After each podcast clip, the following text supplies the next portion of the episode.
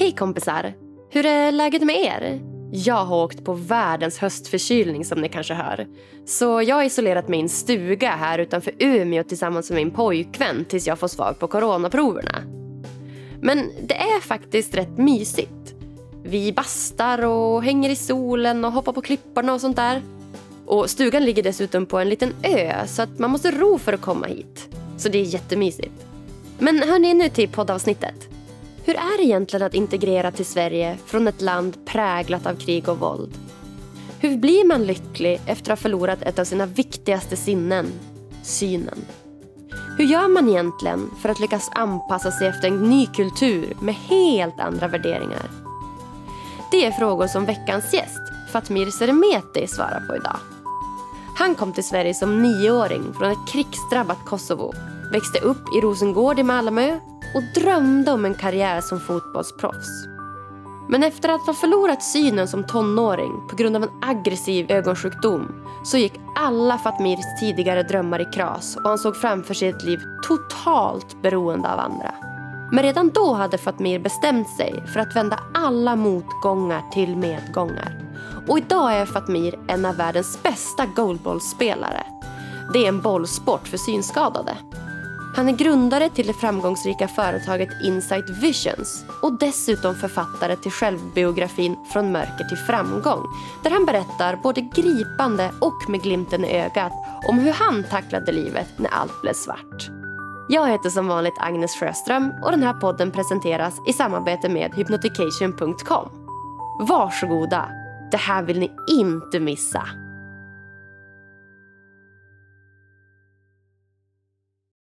Då säger jag varmt, varmt, varmt välkommen till veckans gäst, Fatmir Seremeti. Tack så jättemycket. Gud, så kul att du är här och vad härligt att du kunde gästa oss med så kort varsel. Ja, tack för frågan. Det var... Eh, det, det, är alltid kul att vara med i poddar och det är speciellt roligt att vara med i en podd som heter Lyckopodden. Det känns lite extra. ja, man blir nästan lycklig av bara namnet ibland känner jag. ja, men precis. Och så alla fina gäster som varit med tidigare också. Man, jag känner mig hedrad. Ja, vad härligt. Ja, det, jag är också så stolt och glad och det är helt fantastiskt att få möjlighet att prata med er. Ni är ju så inspirerande. Du, eh, fredag, fredagsfeeling. Har du någon, har du någon feeling idag? Absolut, det har jag. Jag tänkte säga att jag har ju fredag veckan, eh, hela veckan för att jag gör ju lite vad jag själv tycker är kul och eh, ägnar mig åt väldigt roliga jobb så att jag har nästan fredag varje, varje dag. Men gud så himla härligt. Det, det måste jag säga att det är, då har man verkligen eh, enligt mig byggt upp sitt liv på ett bra sätt så att man kan vara så där glad, glad och ha feeling varje dag istället för den här klassiska måndagsångesten.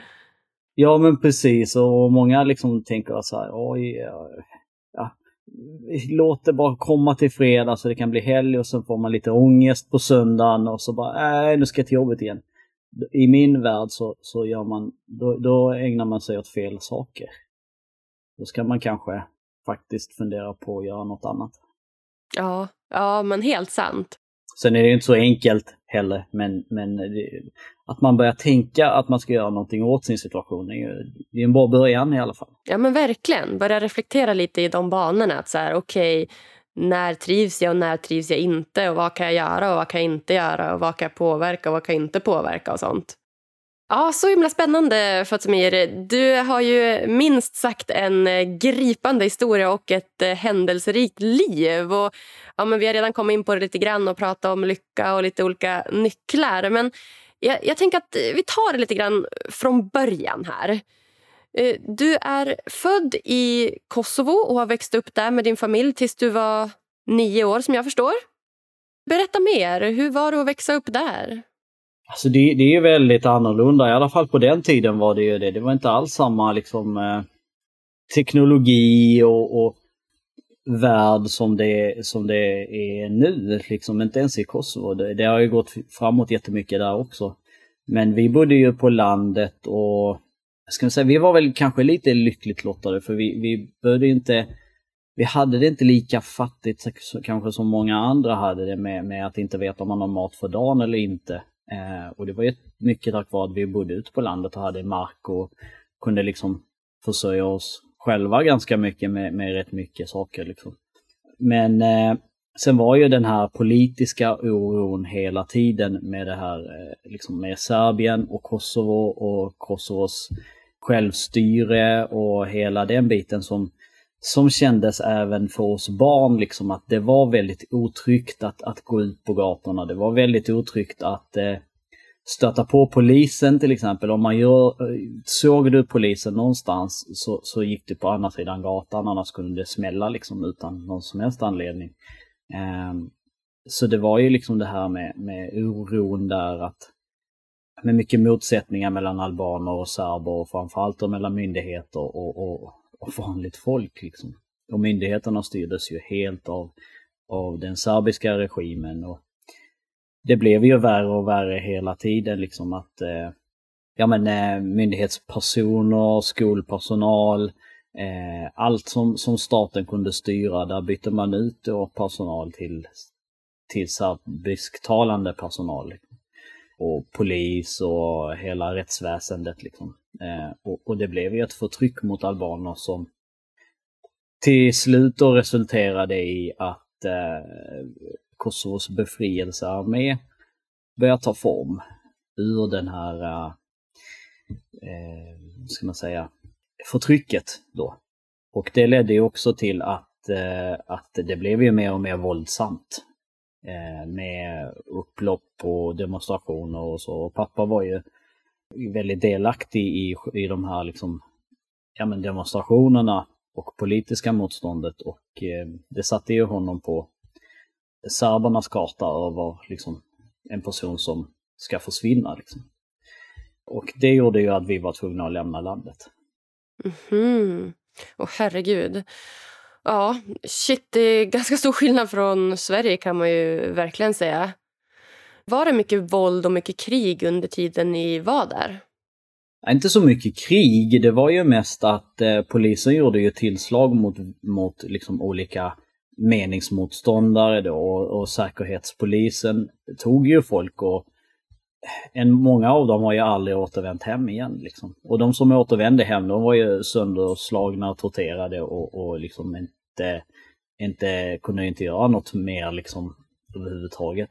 Liksom hade tappat allt. Eh, så att det var ju liksom det som, som väntade pappa. Om han blev tagen så var det liksom att, ja men en tortyrkammare någonstans eh, där han skulle förhöras och det var ju mycket kring det här med Kosovos befrielsearmé då som de ville kväsa och hela befrielserörelsen såklart. Mm. Någonting som de själva hade skapat eh, ville de sen kväsa liksom och det, det blev ju inte så. Eh, med regelrätt krig blev det faktiskt inte förrän 97-98 och då bodde vi i Sverige. Och det var också en jätte, jättejobbig tid, men vi kan komma dit sen. Ja, ja, ja men alltså herregud, jag kan ju bara tänka mig hur det är att vara där och med en pappa som liksom krigar för sina rättigheter men som du säger kan hamna i tortyrkammare när som helst. Det måste ju vara helt, helt fruktansvärt. Men förstod du det som barn då, att så här, det här kan faktiskt hända min pappa om inte vi flyr? Alltså det var ju så, varje gång vuxna liksom gick hemifrån så, så, så var det den där oron liksom i magen att oj, de kanske inte vänder hem igen. Liksom. Eh, det blev ju så på slut, sista åren innan vi, innan vi flydde, liksom, var det ju så att, att eh, det var väldigt, väldigt oroligt. Eh, och sen hörde man ju skottlossning lite här och där, liksom när polisen gjorde tillslag och, och, och så, liksom hos folk och sen hörde man ju om väldigt många som, som försvunnit liksom. Det var ju så att albaner då som tvångsintogs eh, till den serbiska armén till exempel eh, i, i, då var det i Bosnienkriget och eh, Kroatien till exempel. Många av dem deserterade och, och flydde till väst så de lämnade ju sina vapen och, och eh, uniform och allting i skogar och berg och överallt liksom i, runt om i före detta Jugoslavien. Och, flydde ut i utlandet och det var så liksom, pappa fick också liksom, idén om att vi, vi måste lämna landet för om vi ska ha en bra framtid. Liksom. Ja, och fy.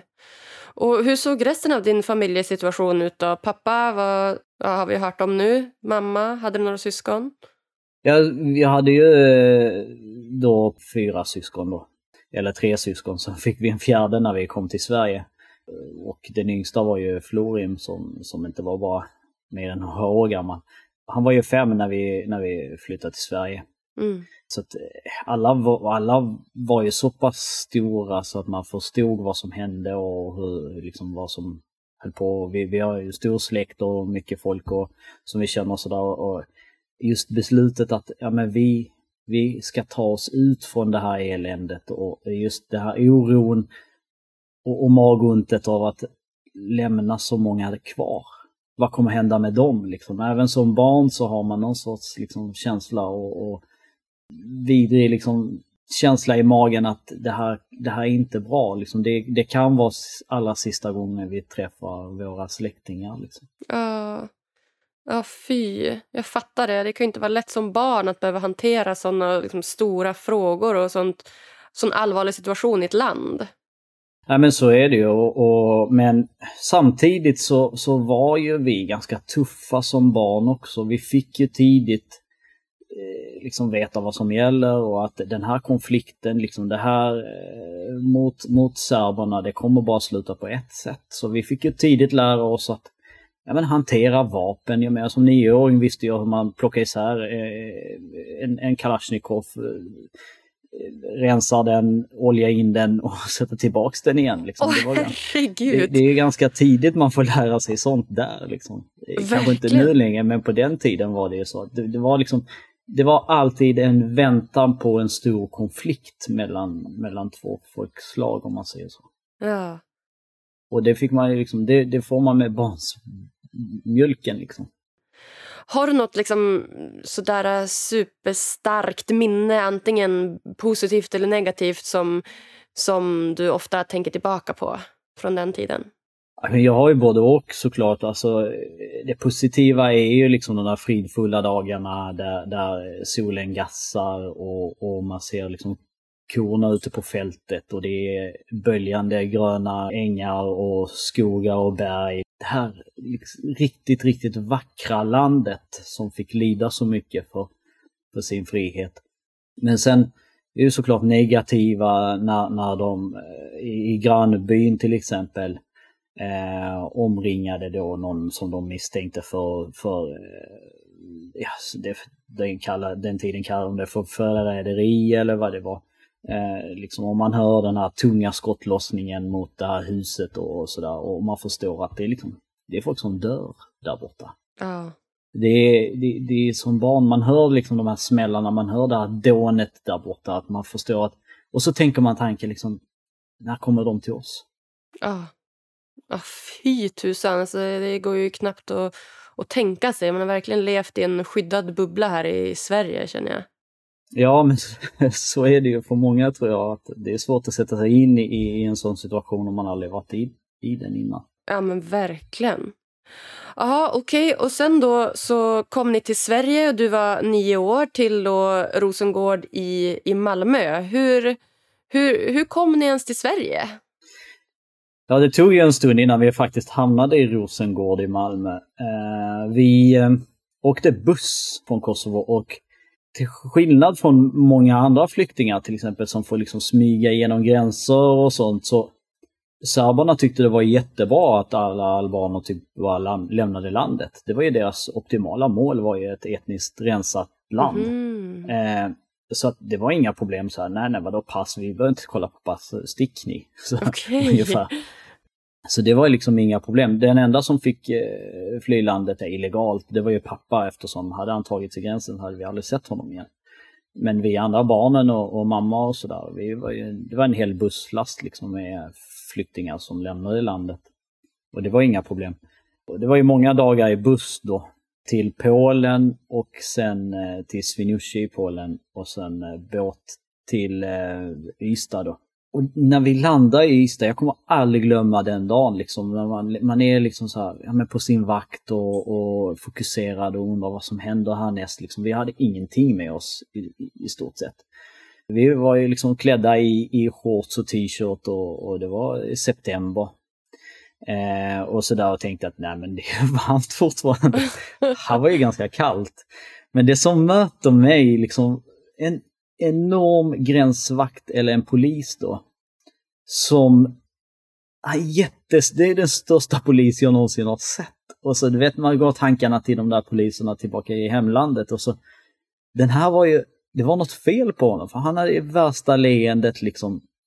Och kramade om oss och Welcome to Sweden och så här. Det, det var bara en clash av liksom en värld som, som var så svår att ta in att herregud, är det här på riktigt? Har, vi liksom, har det hänt någonting? Har vi hamnat i något paradis eller vad är det här? Liksom?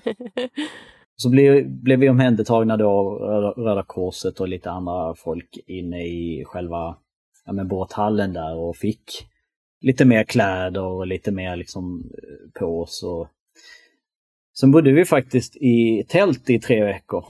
Eh, och jag kommer ihåg att min, min lillebror han förstod inte det riktigt det. Liksom. Han bara, men pappa vi har ju lämnat ett stort och fint tegelhus och kommit och nu bor vi i ett hus av, av tyg. Liksom, vad, vad, vad, vad händer? Ska vi bo så här alltid? Ja, det var liksom inte så lätt för oss barn att förstå allting. Vi bodde liksom i Skillingaryd, mitt ute i skogen på något gammalt militärfält liksom.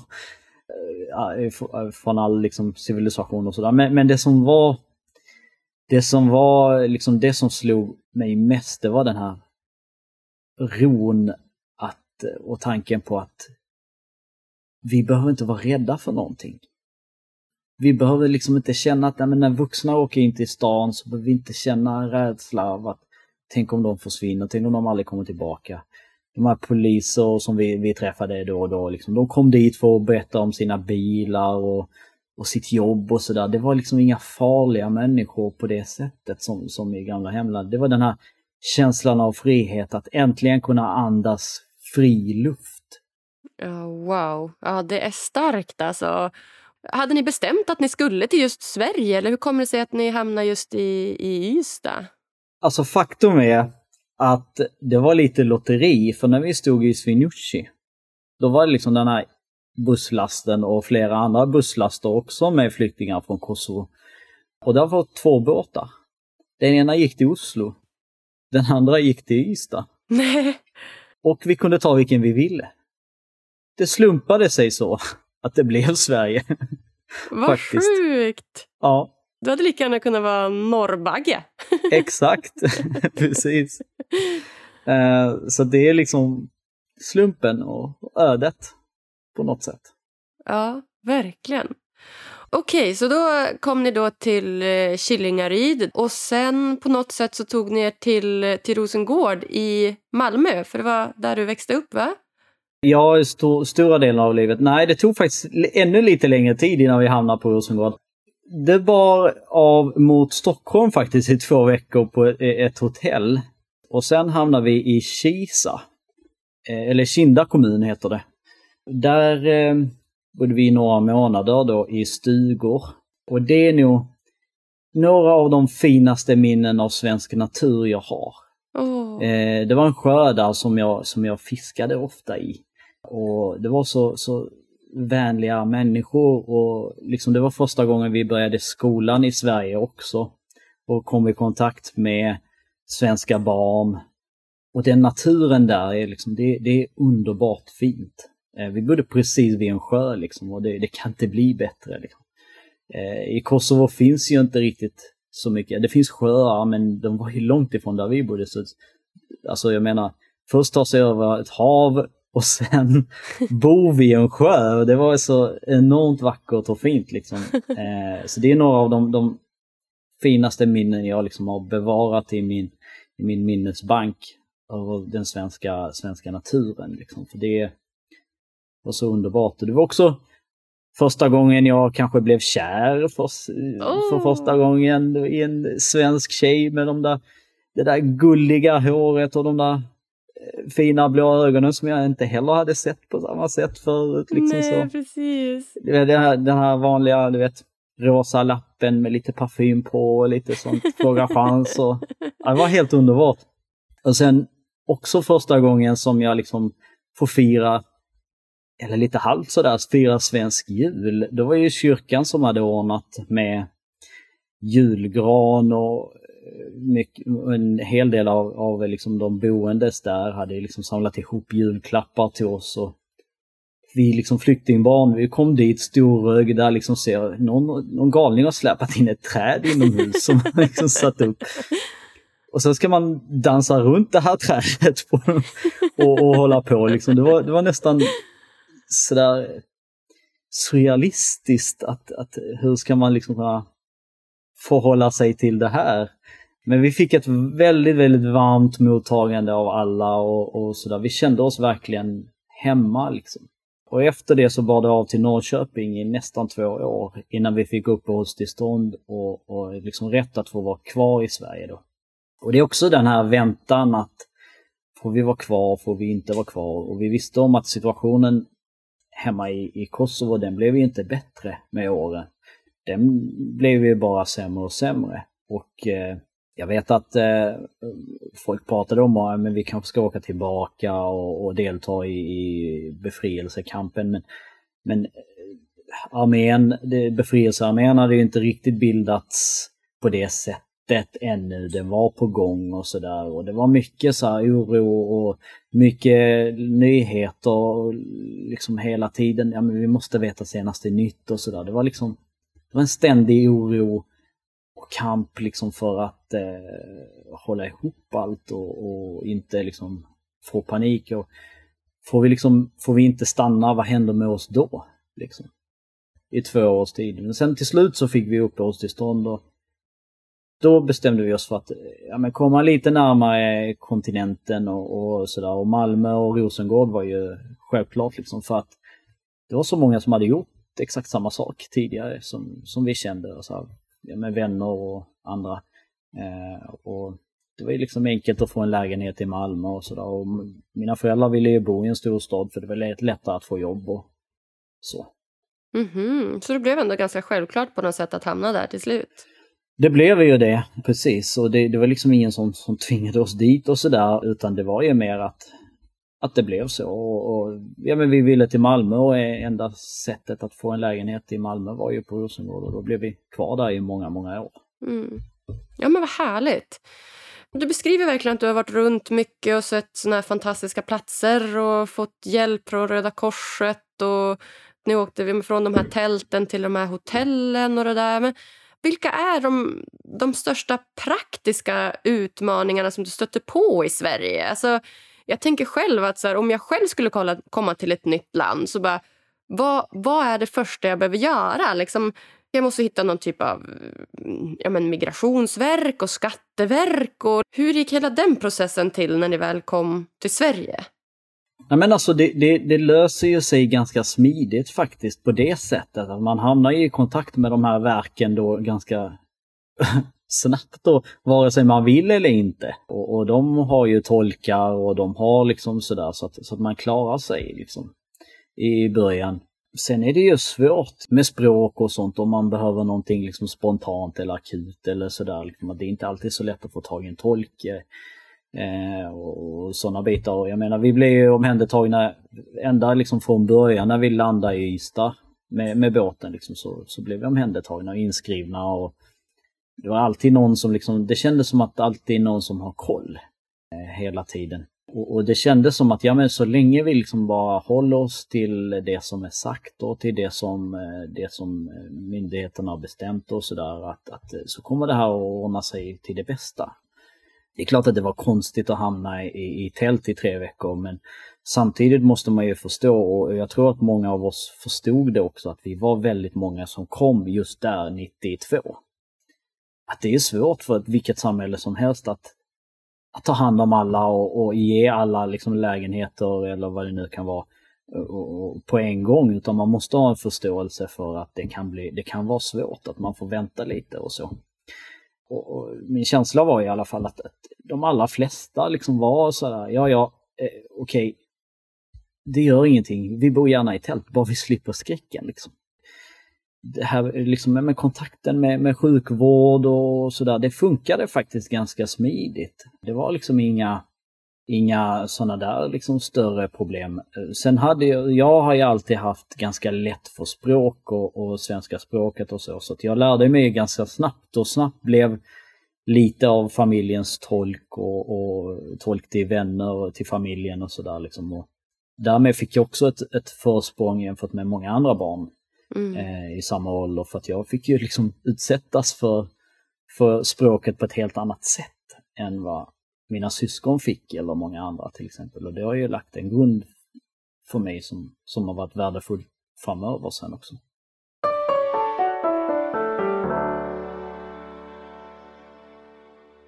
Vill du stärka din självkänsla, sova gott och må bättre? Då borde du testa vägledd självhypnos. Det enda du behöver göra är att lyssna, slappna av och följa instruktionerna. Gå in på hypnotication.com och hitta dina favoriter idag. Ange koden LYCKA för 15% rabatt på hela köpet.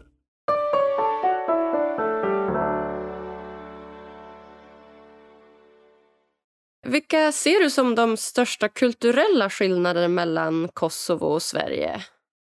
Alltså det finns ju en hel del eh, skillnader eh, hur, man, hur man lever, som, hur man ser på familj, familj och släkt och hur man ser på kollektivt levande eller, eller individualism till exempel. Det finns många sådana och framförallt så, så blev ju skillnaderna väldigt tydliga när jag fick eh, min synnedsättning då senare i livet som, som tonåring. Att i Kosovo är det ju så att om man till exempel har gamla människor eller människor med funktionsnedsättning i familjen, då, då tar man ju hand om dem själv tills, liksom, tills döden. Det, det, fanns inte i alla fall på den tiden. Det kanske börjar dyka upp lite mer nu, men så här, ålderdomshem eller Eh, ett eh, socialt nät som kan fånga upp eller hjälpa människor med funktionsnedsättning på det sättet. Det fanns ju inte då. Utan man var ju väldigt beroende för sin försörjning, trygghet och överlevnad av sin familj. Alltid. Eh, Medan i Sverige så, så fanns ju de möjligheterna, liksom alla kan klara sig själva och kan bygga en egen liksom, framtid och ett eget liv på ett helt annat sätt än vad man eh, traditionellt kanske kan göra i Kosovo. Och, och, det blev ju en liten clash då i, i, med, med, mina föräldrar framförallt när jag fick min synnedsättning. Och, och, samtidigt som jag skulle hantera liksom min nya identitet eller sådär och, och allting som jag trodde och tänkte och drömde om hur min framtid skulle bli, det slogs ju i spillror sen när jag fick min synnedsättning. Och helt plötsligt så kommer mina föräldrar då, ja men det är klart, jag såg ju deras sorg och deras eh, eh, liksom tyngd över, att, över min synnedsättning. Men de såg det som sin livsuppgift från och med nu att alltid finnas där och ta hand om mig. Och som tonåring liksom att höra att ens mamma säger, ja men min son, det är ingen fara för vi kommer alltid att ta hand om dig. Det är kanske inte det man vill höra som tonåring, framförallt inte när man bott i Sverige så många år sedan som, som, vi, som vi gjorde då. Och, och levt i den här kulturen och i det här samhället där, liksom, där alla strävar efter att kunna liksom, ta hand om sig själva och vara självständiga och oberoende. Eh, och, och, och, så. Och, och liksom, men, man pratar om att ja, men jag ska ju flytta hemifrån när jag blir 18 och jag ska bo där och jag ska göra, göra det och jag ska göra det. Liksom. Och sen helt plötsligt inse att aj då, jag kommer aldrig kunna göra allt det där. Eh, och, och då, då, är det sista man vill höra, det är liksom, men vi kommer ta hand om det hela livet. Liksom. Det är så nej, nej. Ja, oh, jag fattar det. Så det, var ju, det är den största skillnaden liksom, kulturellt och, och, hur man ser på saker. Sen är det ju så här, men hur man lever i en relation till exempel med andra.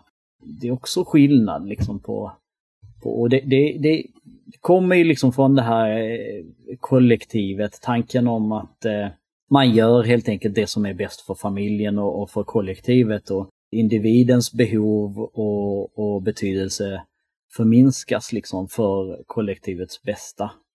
Eh, och det är ju så det har varit i Kosovo för att liksom kunna överleva eller få, få det så bra som möjligt.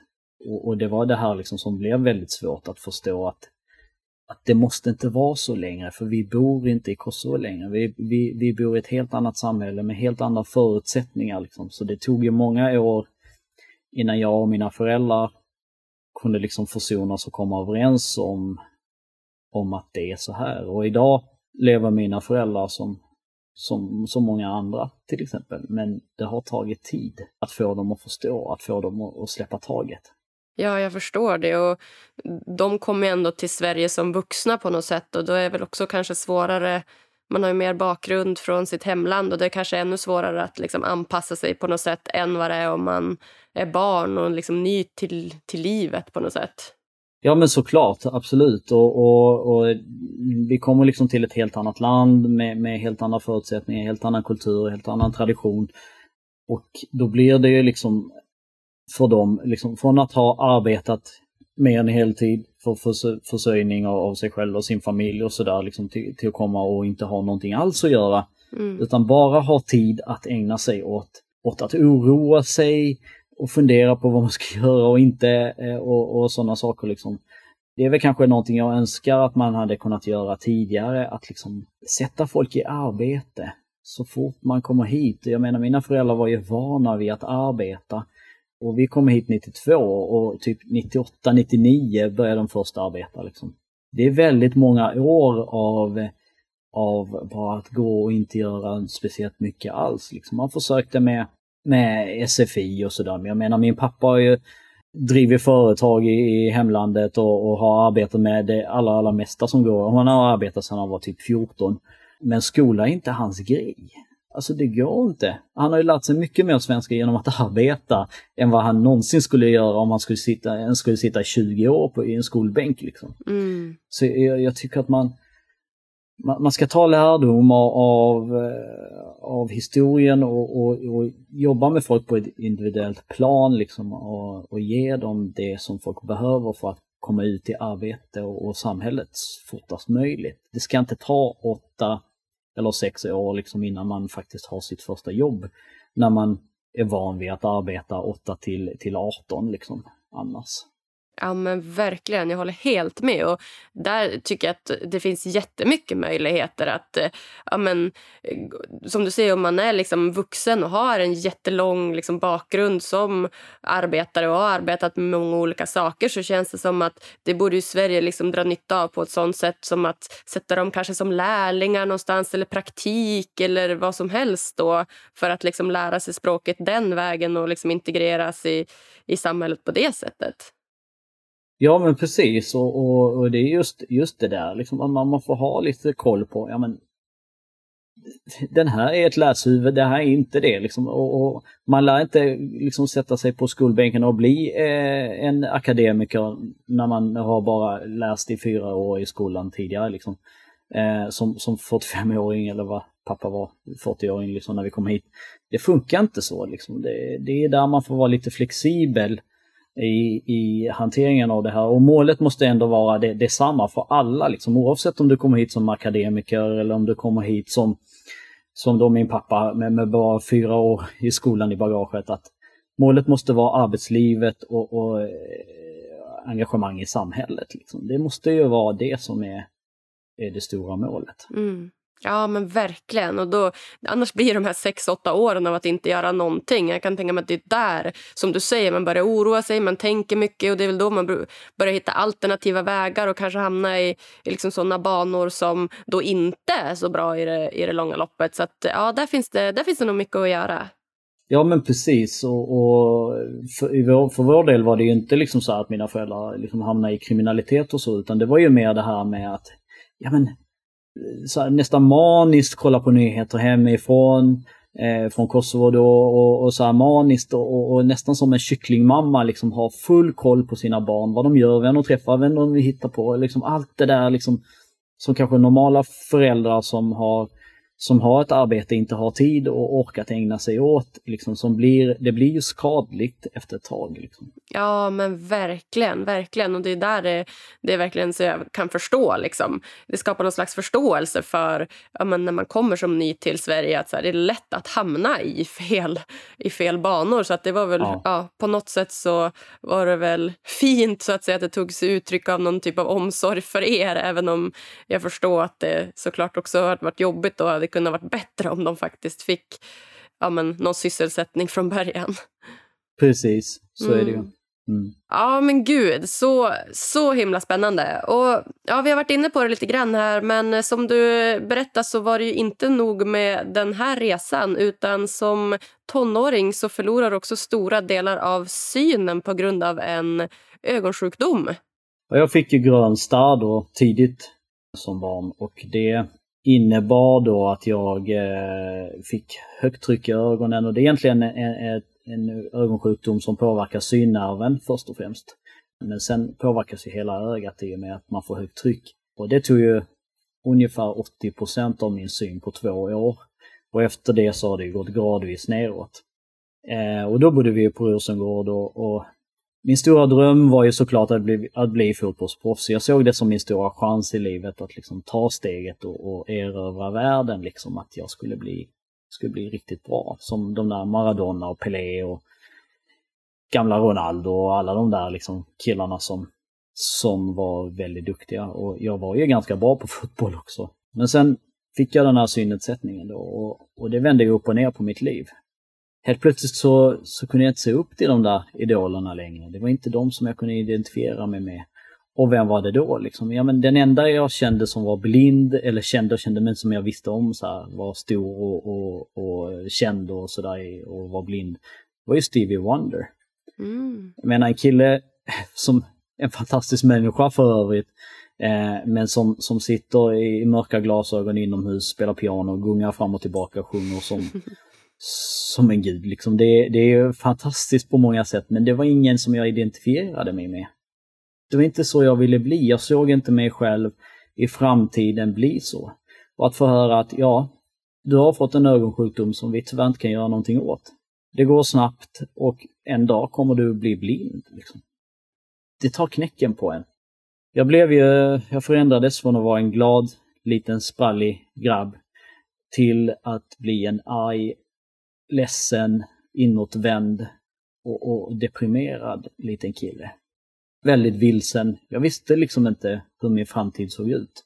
Det förändrades då till panik, ångestattacker. Och som tur var så kunde jag fortfarande liksom ut och springa på egen hand. Och det var det jag ägnade mig åt. St stora delar av, av liksom timmarna när jag mådde riktigt, riktigt dåligt. Det var liksom antingen det eller dö. Så jag var ute och sprang. Jag sprang och sprang och sprang och sprang tills benen inte bar mig för att få bort den där inre smärtan. Liksom. Och jag var till och med inne liksom på att, ja men, är livet verkligen värt att leva? Liksom som blind, vad kan man göra då? Mm. Så, så, som tonåring, sådana saker som kanske inte många andra tänker på som tonåringar, men jag funderar liksom, kommer jag kunna ha familj? Kommer jag liksom kunna ta hand om mig själv? Kommer jag liksom kunna ha ett jobb? Helt plötsligt så blev inte fotbollen och alla de där andra sakerna, moped och bil, lika viktiga utan det var mer existentiella frågor som, som blev väldigt viktiga helt plötsligt. Och jag såg ingen lösning på det. Jag såg ingen liksom utväg. Men som vanligt, när allting känns liksom riktigt, riktigt tungt och, och man känner att jag kommer inte längre ner och jag var liksom, jag var ett steg ifrån att hoppa från ett stup. Liksom. Mm. Som vanligt så när man mår som sämst så dyker ju de här, jag brukar säga att det finns änglar på jorden. De går på jorden precis som du och jag och som alla andra och det är människor liksom. Som gör saker för andra helt utan någon som helst egen vinning eller tanke på att få någonting tillbaka. Den här ängeln hette Laila Ström. Hon jobbade för, eh, idag heter det Specialpedagogiska institutet. Och hennes uppgift var att hjälpa mina lärare då som skulle hantera ett barn med synnedsättning i skolan. Och eh, hon såg ju ganska tidigt att det som jag brann för, det som liksom fick mitt hjärta att slå lite snabbare, det var idrott. Och hon mer eller mindre tvingade mig att åka upp till Stockholm med henne och prova på idrott som man kan göra fast man inte ser. Det var första gången jag kom i kontakt med den sport som jag sen sedermera kom att hålla på med på liksom paralympisk nivå, som heter goalball. Men det var ju inte sporten i sig som var det viktiga just då, utan det var att jag fick träffa de här andra ungdomarna och unga människorna med synnedsättning och blinda som visade mig att ett liv som blind behöver inte vara dumt alls. Det behöver inte vara tråkigt.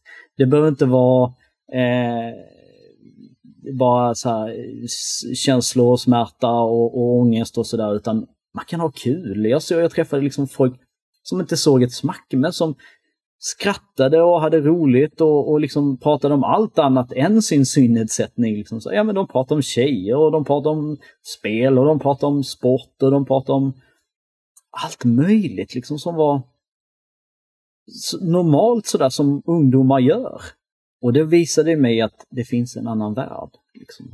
Det behöver inte vara så illa som det ändå blev. Och sen började jag spela goalball och, och det var också det liksom som gjorde att okej, okay, jag kommer aldrig bli en stor fotbollsstjärna, men jag kan faktiskt bli en goalballstjärna.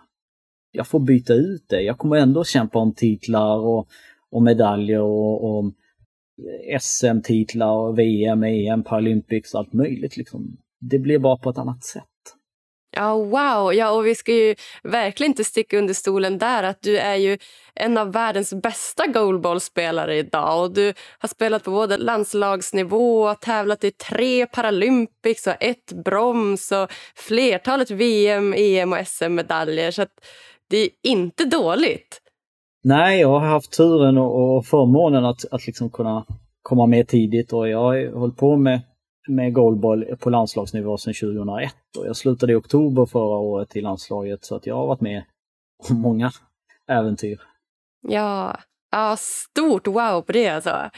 Men det, det jag tänker då är ju att det är helt fantastiskt att, eh, ni har hitt, att du har hittat den här gemenskapen uppe i Stockholm med andra med liknande funktionshinder och att ni liksom verkligen har någon typ av gemenskap där och att du hittar mycket glädje i, i den här goalballen. Men jag vill gärna så skilja på du vet, självförtroende och självkänsla. Att självförtroende är någonting man får av någonting man gör, då som till exempel den sporten som du utövar. Men hur såg det ut med din självkänsla? Kände du att du ändå kunde så vara nöjd och glad med den du är? Eller hur har du jobbat för att liksom bli lycklig i dig själv? Det har tagit många år, såklart. Och, och, och viktigt för mig har ju varit liksom att lära känna min funktionsnedsättning.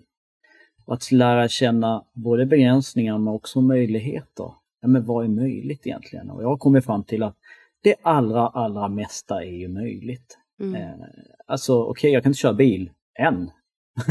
men snart kanske jag kan. Liksom. Eh, det är väl det enda egentligen. Eh, jag liksom tänt på gränserna över vad som är möjligt som synskadad. Jag menar att åka skidor och ut och springa och många av de här sakerna, det är liksom, det är ingen match längre. Utan det gör jag som alla andra i stort sett. Lite hjälp, lite ledsagning, man får hitta lite olika knep på hur man gör. Eh, så funkar det liksom. Men, men självkänslan har ju växt i, i det här att jag har lärt känna mig själv. Mm. Att jag har lärt känna mig och, och förstå och acceptera att det är så här det är. Liksom. Och vad, jag, vad har jag då för val? Ja men antingen så tar jag och gör det bästa av mitt liv, det bästa jag bara kan.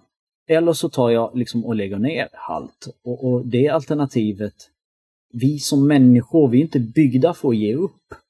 Vi är liksom, vårt DNA, vår, hela vår varelse vill utvecklas och, och bli bättre hela tiden. Och den där drivkraften, jag tror ju att alla människor bär på den här inre liksom, ljuset, inre kraften som, som aldrig vill ge upp. Liksom.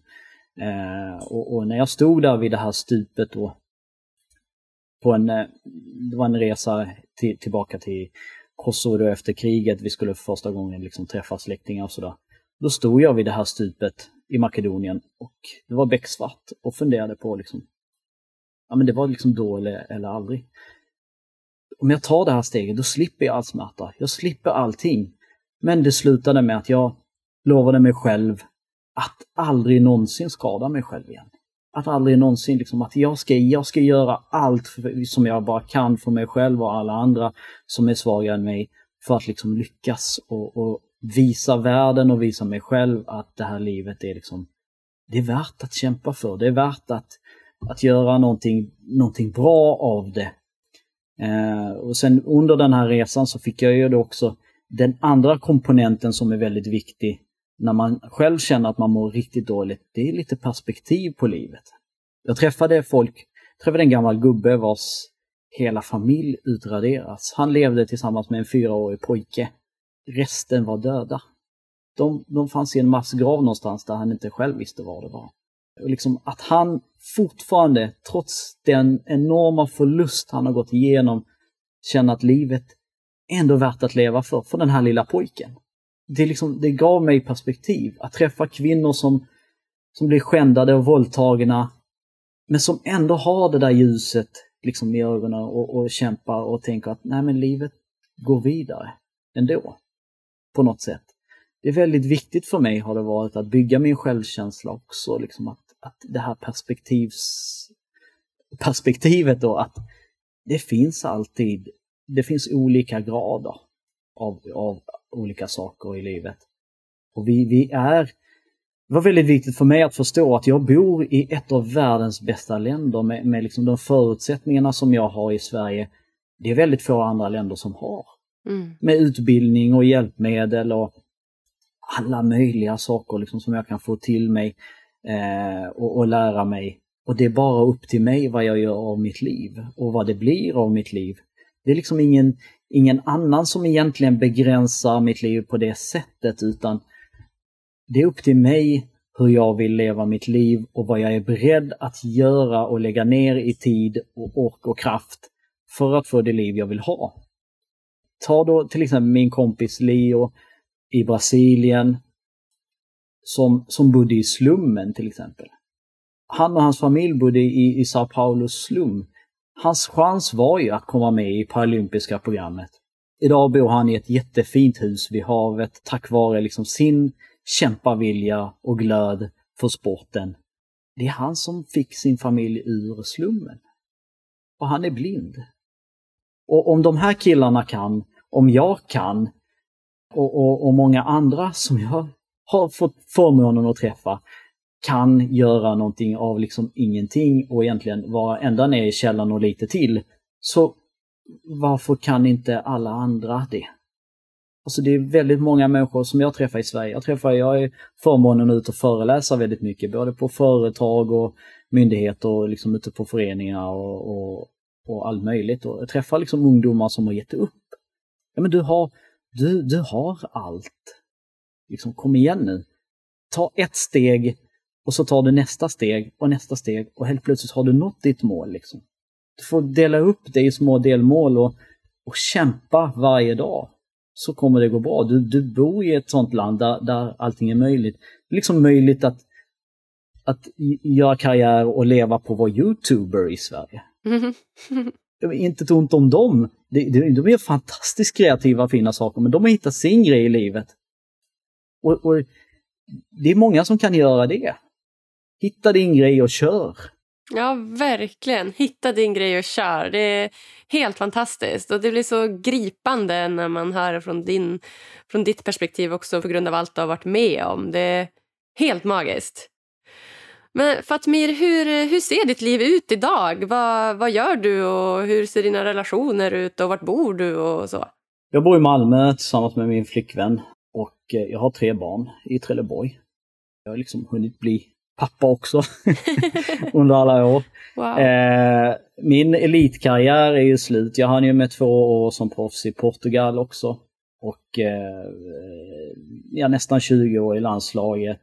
Jag har tagit tillvara på alla de här liksom, möjligheterna och lärdomarna och erfarenheterna som jag har fått lov att, att ha under alla dessa år. Eh, och eh, gjort liksom det till min grej och, och startat ett företag som heter Insight Visions. Där jag sysslar mycket med inspirationsföreläsningar. Jag arbetar mycket med coachning, med någonting som kanske inte många känner till, tillgänglighetskonsulting.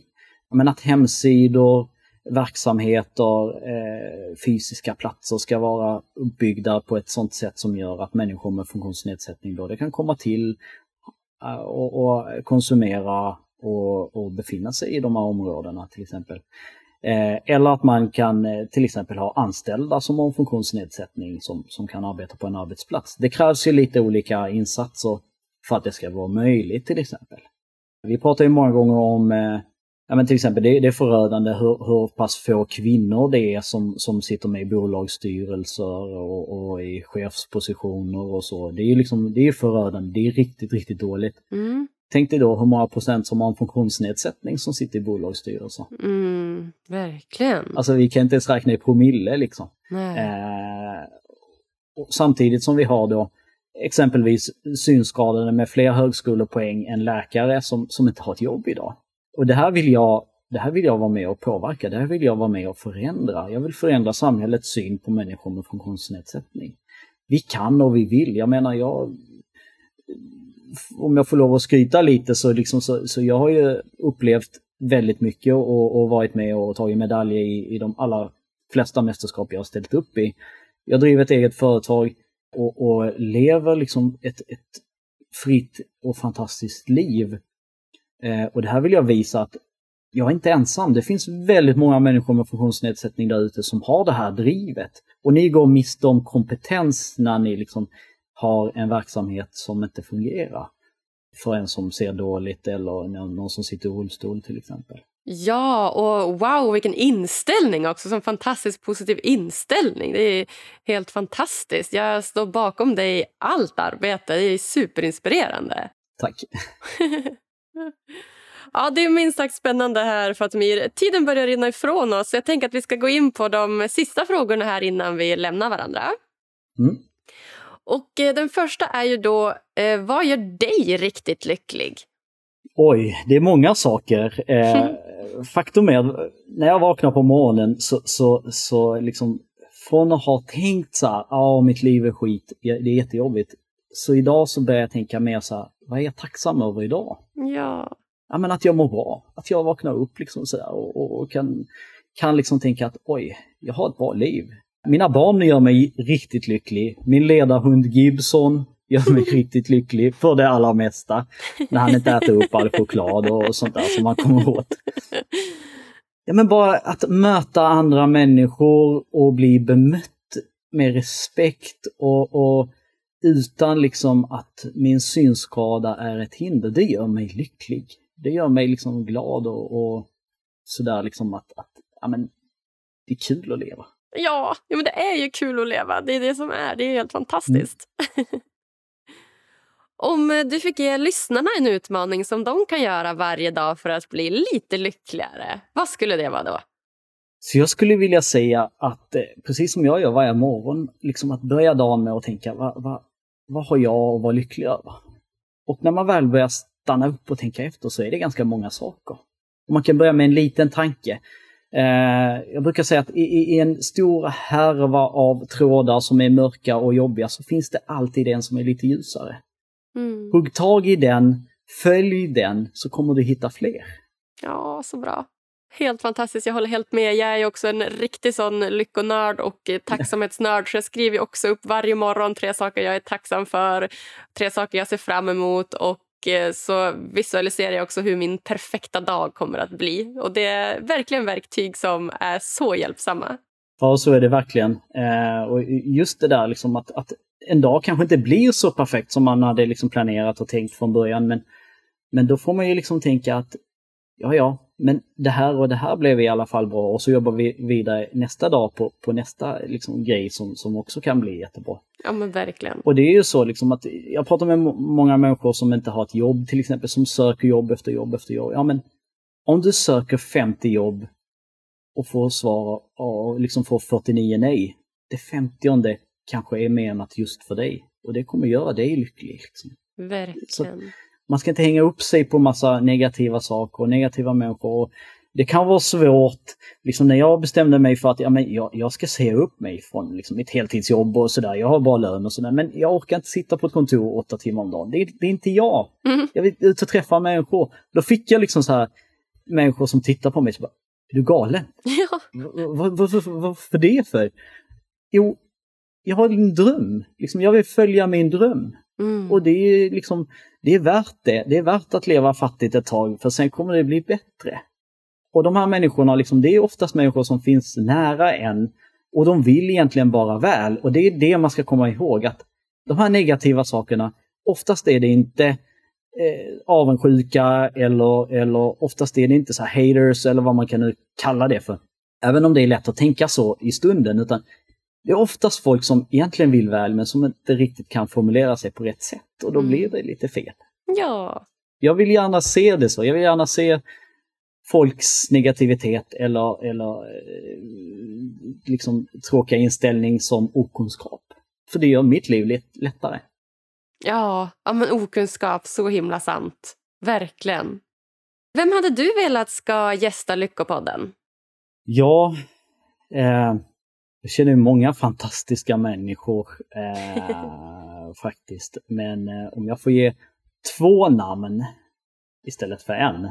Ja. Det finns en, en eh, blind journalist som heter Anna Bergholtz. Okej. Eh, som är, hon, hon jobbar jättemycket med mänskliga rättigheter och, och på så vis liksom, hon är inte bara kämpar mot sin blindhet utan även reumatism och sådär och, och en fantastisk människa på många sätt. Som har liksom jobbat stenhårt för att liksom nå ut till mainstream media och, och som, som arbetar varje dag liksom för att människor med funktionsnedsättning ska porträtteras på rätt sätt i media. Eh, hon är fantastisk. Och sen en tjej som sitter i rullstol som heter Jasmin Nilsson. Mm. Faktum är att båda de två driver faktiskt egna poddar också. Coolt. Anna driver en podd som heter I mörkret med och då sitter man i totalt mörker. Och eh, eh, spelar in då eh, med olika gäster. Eh, och då får man verkligen prova på det där. Men du ser inte ett smack och så ska du liksom uttrycka dina känslor och tankar och, och, och, och vad det nu är. Wow. eh, och berätta. Och Jasmin eh, har en podd som heter Soluret. Där hon träffar liksom olika människor, precis som du gör, med, med olika liksom typer av historier och sådär. Hon vill liksom lyfta fram de här kanske lite unika historierna som kanske inte lyfts fram på det på samma sätt.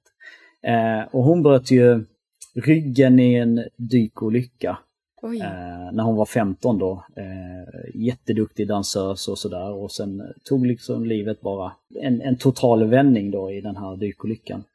Ja, wow, vilka, vilka kvinnor, vilka inspirerande personer. Det är verkligen sådana som skulle passa bra den här podden. Så jag får väl, Ja, verkligen. ja, jag får väl kontakta dem sen kanske. Ja, absolut.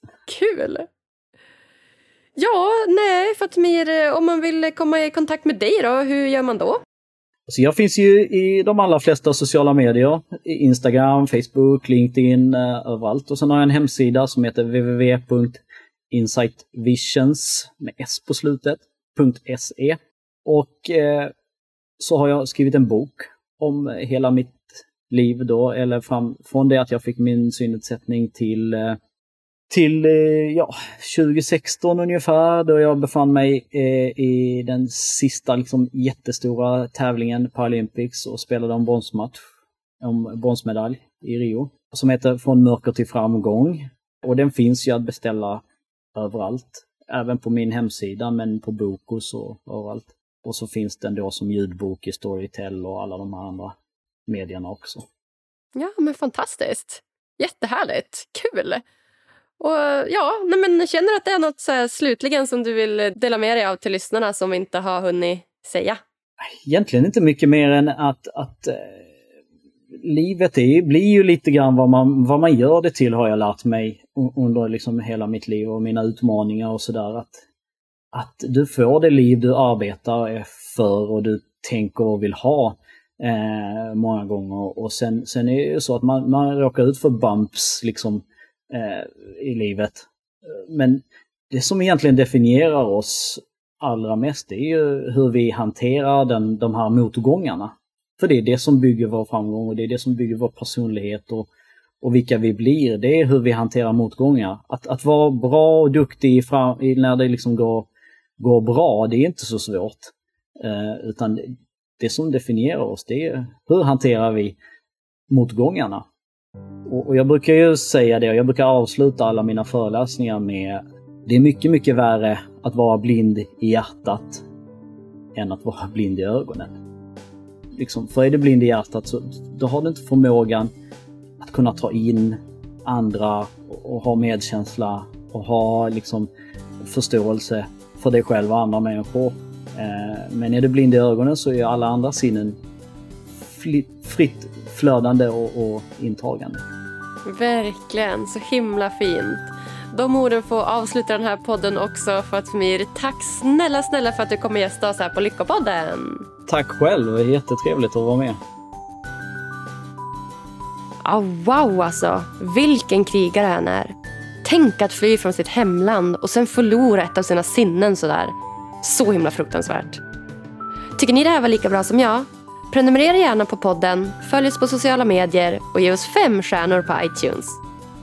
För att just du lyssnar. Vi hörs på tisdag igen. Puss och kram!